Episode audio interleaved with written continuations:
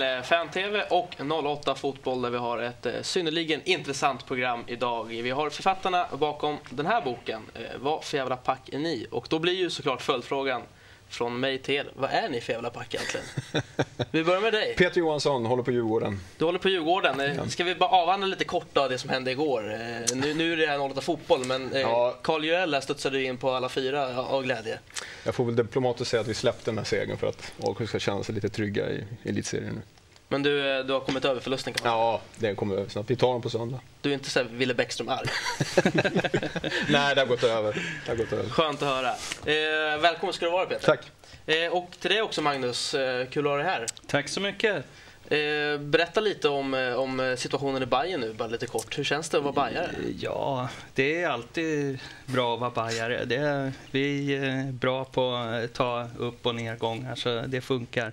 Ja, men nu eh, känns det ändå rätt okej. Alltså säsongen är körd. Vi har fått en ny tränare, vi tittar framåt. Det, det, det känns ganska bra ändå.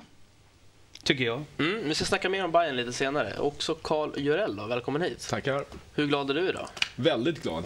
Euforisk nästan, skulle jag säga. Det sitter i. Inleder du din, din supporterkarriär som hockeysupporter eller fotbollssupporter? F- första matchen var fotboll.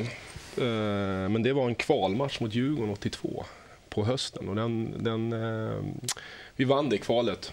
Eh, det blev oavgjort tror jag, men vi vann totalt. Och sen var ju säsongen slut, så då blev det ju hockey sen som blev direkt. Och så att egentligen kan man väl säga att ja, jag fostrades i hockey min första fotbollssäsong. Och varför blir man aik då? För min del var det, jag flyttade till Stockholm från Frankrike när jag var liten. Och så hade man hört talas om AIK Black Army och så blev det norra och så, ja, så slog det till direkt sådär. Men var det något speciellt det där som, som, som frestade dig att bli? Var det just Black Army och den kulturen? Jag tror, eller? jag har funderat mycket på det där alltså, för det var där någonstans i 12-årsåldern började mitt fotbollsintresse gry och så har man talas om AIK Black Army mycket. Ja, det drog, det var nog viktigt. För det var AIK mot Djurgården, jag valde aktivt att gå in på norra och var neutral då första gången jag gick. Min farsa var med också, så, men så blev det norra och det var en snabb bang, aha-upplevelse, slag på käften. Jag stod bara och tittade på klacken och inte någonting på matchen i princip. Du då Magnus? Ehm, ja, jag växte ju upp i Kallhäll som är en norrort, eh, vilket egentligen ju numera i alla fall är AIK-land. Men eh, det blev Hammarby ändå. Det har jag varit väldigt glad för. Eh, det området var ett sånt här miljonprogramsområde som växte fram när jag föddes ungefär. Så det var inte så fast och bestämt. Eh, folk höll på olika lag. Kom en farsa från Skåne, höll grabben på Malmö. Och Åtvidaberg var bra några år. Ungar började hålla på Åtvidaberg. Jag hittade till Bayern och Var det någon speciell händelse eller var det att farsan är på Bayern eller bästa polaren eller? Eh, inget eh, direkt minne, men jag vet att, jag, att eh, eh, första matchen frälste ju mig också ungefär som Kalle. Då. Jag gick till Råsunda med en polare som var djurgårdare som senare blev advokat givetvis. var jävligt duktig i tennis. Och, eh, jag höll på Bayern, han Djurgården. Och Bayern vände 0-1 sista kvarten till 4-1. Det kändes otroligt bra. Var det den matchen där Kenta Olsson blev nedsparkad? Ja, Det var det den? det. alltså? Ja, Okej. det var det. Eh, Peter då? Var- Varför Jo, du jag, jag började spela fotboll, eh, pojklagsfotboll i, i Djurgården då. När jag gick i första klass tror jag det var. Och då var det faktiskt så att min, min bästa kompis på den tiden hette Myran Gustafsson. Som tog med mig, han var djurgårdare på den här tiden, och tog med mig till... Eh, Ja, nu var det lite för mycket information här, men fortsätt. Han tog med mig till, till Hjorthagen då, där eh, Djurgården hade sin pojklagsfotboll på den tiden. Och då började jag spela. Och då var det naturligt att börja gå på matcherna också. Då fick man biljetter och var, då stod man på, på fondläktaren. Så att, ja, då fostrades man in i klacken helt enkelt. Den stod ju där uppe på fondläktaren. Den gamla fondläktaren som, som är riven nu. Och Hur kommer det sig att ni kom överens att skriva den här boken då? Ja, fan gick det till? Det var någon idé som växte fram för, ja det är länge sedan alltså. Första Jag- gången var... Ja. Jag tror att det var du som hade idén och började surra lite med mig. Vi hade eh, stött på varandra av en slump lite och eh, märkte väl att vi hade lite samma bakgrund och sådär. Eh, och när vi börjar komma så långt att eh, ja, vi ska nog realisera det här eh, tog vi kontakt med Peter då. Vi visste han har hållit på lite med sån här subkulturskrivande förut gett ut boken, vad heter boken? Eh, varför tror du vi låter som vi låter? Svensk punk 78 till 81 eller Mm. något sånt där va? Mm. 77. 77 till 81, ja. Så då hade vi liksom en, en trio som skulle kunna funka och berätta om, om den här. Var det svårare eller enklare än vad ni på förhand hade trott att göra boken? Det var ett helvete. Det var, ja, faktiskt det som Kalle säger, det var ett helvete. Det har ju tagit jättelång tid. Det, det, det är väl egentligen så med alla liksom hobbyprojekt. Det tar ju väldigt, väldigt lång tid och mer tid än vad man tror. Eh, lite beroende på hur vi är som personer också. Vi är ju inte så jävla disciplinerade och fokuserade som vi kanske skulle ha behövt vara. Samtidigt så har ju det kanske gjort att boken har blivit bättre för jag har ju verkligen malt alla jävla texter hur många gånger som helst.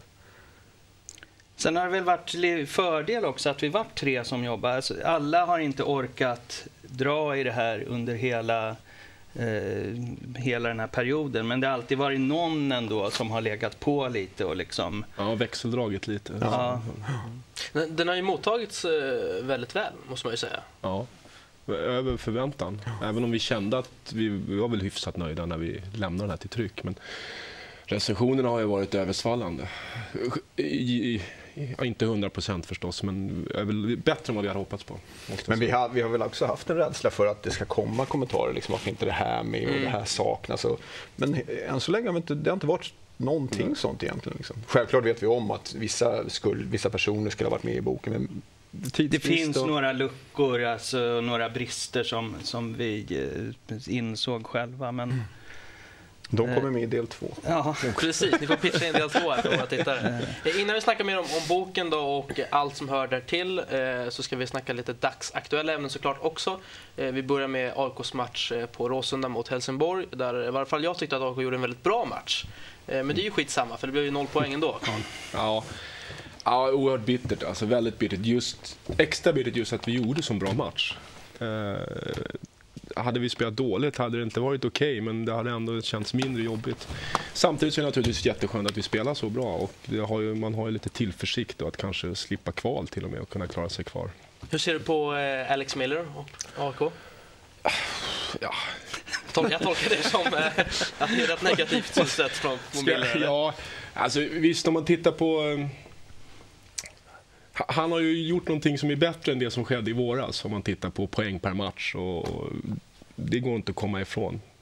Eh, Men det är ju långt ifrån en långsiktig lösning och man hör, jag vet inte om man är ens kvar i säsongen ut har man kanske Mm. börjat höra någonstans till och med. Men vad hände med de ryktena att han skulle gå tillbaka till Ja, jag- skotska fotbollsförbundet? Ja, han blev ju rykten. scout va, på, ja, precis, på skotska fotbollsförbundet.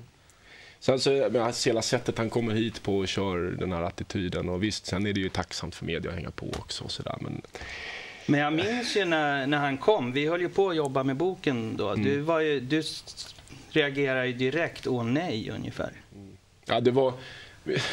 Tanken var ju Richard Money eller vad, vad är det? Ja. Eller Stuart Baxter? Liksom kom en britt där. Money eller Baxter? Ja, Ja, men man får ju onekligen intrycket av att det är lite management by Mm. fair-taktiken från honom där. ja. Ja, det är inte ens Braveheart utan det är bara... Precis, det är bara var rädda för mig. Eh, men Tror du AIK kommer fixa det här? Nu ligger de ju på kvalplats. Ja, ja, jag tror ju faktiskt det.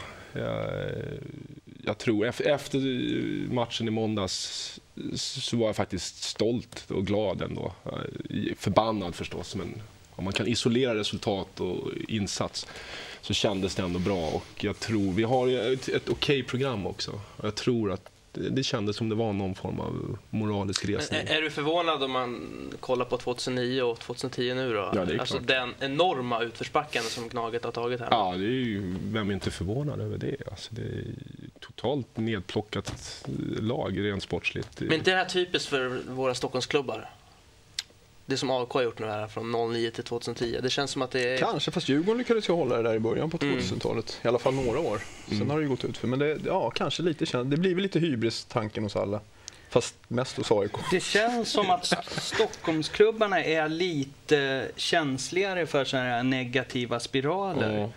Alltså, det, där, det är ju ingen, det är ju ingen klubb i Sverige som har kopplat greppet långsiktigt. Det var Djurgården var på gång På gång, tidigt, ja. va? men man höll inte riktigt. Men bortsett från det så är det väl Göteborg på 90, första halvan av 90-talet. Mm, och MFF innan dess. Ja, och MFF innan dess.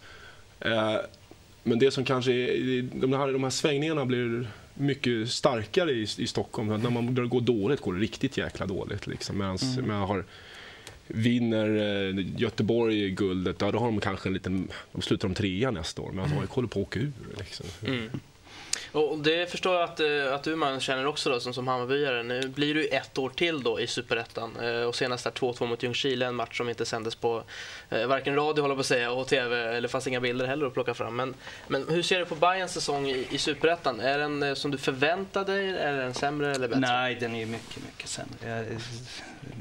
Alltså, man är skitbesviken, missnöjd. Alltså, det är under all kritik. Alltså, det är, Vad är du mest missnöjd med? Eh, ja, eh, jag är ju, mm, dels är man ju missnöjd över att eh, att spelet har, eh, inte har varit bättre än det har varit. Alltså det, eh, coachningen, eh, sämjan inom klubben, eh, alltså kaoset. Eh, ja, name it. Det, Du kan fortsätta länge och berätta om det. Eller? ja, jag har svårt att berätta om det för jag vet inte fan var jag ska börja. Alltså det, eh, Men om vi plockar ut exempelvis då tränarteamet från början då, Borgqvist och Blomqvist. Kände du att det var dömt att misslyckas på förhand? Nej, det kände jag inte, men jag tyckte inte att det var ett, eh, att det var ett bra tränarval. Alltså det, det känns, för mig som supporter känns det inte kul att veta att det går omkring en tränare med AIK-tatuering i mitt omklädningsrum. Liksom. Det, samtidigt... Och som hade... Han klippte ju Ja, ja. Eh, Nej men det är så pass viktigt ändå alltså för dig. Du kan störa dig som fan på det. Ja, det kan jag störa mig på. Men det är ju så, alltså framgång förlåter ju allt. Hade det blivit framgångsrikt så hade man ju liksom accepterat det. Eh, Men vissa skulle kalla det för hyckleri. ja, det... Av vem? Av klubben eller tränaren? Men Sören Åkerby enligt ryktet har ju en Hammarby-tatuering och tränar Djurgården, är det inte? är det så? Nej men det är lite så som jag snackat om Charbel Toma-grejen. Ja, ja. Att, att han då på något sätt kanske förlåts mer av fansen nu för att han är så väldigt bra och gör mål här i de senaste matcherna. Eh, men, men, men om det går sämre då har man liksom hela tiden den här, ja, men du gick till AIK och du har en AIK-tatuering. Ja. Eh, nej, inget bra svar, men det, så är det. Alltså fram, någonstans handlar ju fotbollen och sporten om att försöka få framgång. Och det är ju drivkraften för både klubb och supportrar. Liksom. Det. Kan du se nu att det kan bli en satsning för Bayern då, i och med att de har fått in lite stålar nu för Linus Alenius så att nästa år då blir det året de tar sig tillbaka upp i finrummet igen? Ja, kanske vi måste vänta ytterligare något år. Alltså det, så kan det bli. Men eh, det känns bra mycket roligare. Vi har plockat upp en tränare som, som har gedigen förankring nu sedan några år. Har fört upp det här talanglaget HTFF till, till division 1 och gjort jättesuccé där. Poppis bland spelarna. Poppis även bland spelare som inte har fått spela. Eh, ja, det känns, nu, nu känns det ganska roligt faktiskt. Sen har vi Europa att se fram emot. Ja, är ni nästan klara för det? Ja. ja. Vi ska bara slå Kalmar i semifinal här och sen spela en final på hemmaplan. Precis, eh, och om Helsingborg går till final så, så är ni nästan garanterade ändå. Ja, de måste vinna allsvenskan då. De måste vinna allsvenskan? Ja. Okej, ja. Ja, det kan bli spännande med Bayern i Europa. Mm. En anledning att ha vunnit i måndags. Eh, Djurgården då eh, föll mot Mjällby med eh, 3-0 i en match där den här mannen som vi ser bakom oss, Prince Ikpe Ekong, blev utvisad. Även Keba Sesai eh, fick en varning. Så nu är de två avstängda då eh, inför matchen mot eh, AIK. Eh, men om vi kollar överlag då, Djurgårdens säsong. Eh, du, hur nöjd är du med den? Jag, jag, jag tycker det känns jättebra faktiskt. Det, det började ju lite skakigt med ja, Charbel Toma där. Som jag tycker var en... eh, Jag är inte så fanatisk så att jag liksom tycker att... Man Vad tyckte du om värvningen? Jag gillar honom som fotbollsspelare, men det han har gjort, eller det han gjorde var ju väldigt märkligt. Han gick ju till AIK då. Eh, men fan, vi behövde ju en spelare. Men du kan inte se alltså, att, att Djurgården fick rätt bra betalt plus att ni fick Andreas Johansson som sen blev en legend i klubben? Jo, jag Det kan, ju jo, jag kan se det. Ja, jag kan se det. Nu är jag så gammal också så att liksom jag, jag blir inte lika arg längre. Så att det, jag, klantig värvning. Vi kunde ha tagit någon annan kanske om det hade funnits någon. Men han är ju en bra fotbollsspelare och han levererar ju nu faktiskt. Och ibland så kämpar han ju till och med. Så det, och det är ju positivt. Så att, eh, ja. Men säsongen i sin helhet, jag tycker att vi har någonting på gång. Jag tycker eh, stundtals är det jättebra. Malmö och Örebro var ju fantastiska matcher, hemmamatcherna. Sen kommer de här dipparna lite då och då, men det är ju mot, mot sämre lag som liksom backar ner och där har vi väl inte lärt oss liksom handskas med dem. Faktiskt. Så att jag, jag är rätt nöjd med säsongen. Och nu börjar ju folk komma tillbaka också. Hur, hur viktigt är det då att publiken återvänder här? Ja, det är, det är ju skitviktigt. Det tror jag verkligen. Det, det, det, behövs. Det var ju tråkigt i början på säsongen. Det kändes trist. Men det, vi har ju lyckats vända det. Spelet blir ju bättre och bättre. Alltså Malmö var ju riktigt fantastiskt bra spel. På tal om publiksiffror, AIK har ju inte direkt rosat marknaden på den fronten just nu. Nej. Är vi, alltså är vi supportrar så beroende av lagets framgång att, att man kan liksom särskilja, okej okay, är det 8000 mot Helsingborg då är det liksom hardcore-kärnan av fans som är där. Uppenbarligen. Det är, vad ska man säga, det var drygt 8000, vad var det? 8000 någonting. Men stör ni er mer på när det är, säg 8000 på 08-klubbarnas matcher eller när det är helt plötsligt är 25 000? Förstår ni synvinkeln är? Ja, du menar bara att det skulle vara att man går och retar sig på att det är 17 000 då extra medgångssupportrar? Ja, var kom de ifrån? Det är klart, nej, det, det, är naturligtvis mycket bättre och roligare om det är 25 000 på en match. Uh, Sen får man väl se det lite, tittar man lite bakåt i historien, alltså 8000 som ett lågvattenmärke, det är ändå väldigt ja. mycket människor. Jag har varit på derbyn där det har varit 8000. Mm. Ja. Ja. AIK Hammarby det, något år. Liksom, vi är ändå fortfarande inne i en väldigt bra period eh, sett till intresse. Och sen är det väl där, det går väl lite cykler också. Nu känns det ju som att hockeyn är rejält på uppgångar. Mm. Jag menar 13 800 igår. Det är ju, det är ju jävligt bra. Vi har ju, vi har ju lite, det där berörs ju i vår bok, om jag nu får hoppa fram då lite. Absolut, vi ska snacka Men, om det. Och inte minst i ett kapitel som, som vi kallar för Champions League-gnagare. Eller, eller, som vi kallar det, är ju ett litet begrepp i AIK-kretsar. Liksom just den där kontrasten. Men självklart så är det ju bättre att, att ha, som AIK hade för några år sedan. Vi hade ju 21 500 eller vad det var i snitt, över 21 000 i publiksnitt. Hade någon sagt det när jag började gå, det hade man ju ramlat av stolen. Alltså, mm. Vi ska ta en, en, en, kort paus. Eh, när vi kommer tillbaka ska vi snacka mer med grabbarna här eh, och såklart om boken. Eh, vad för jävla pack är ni?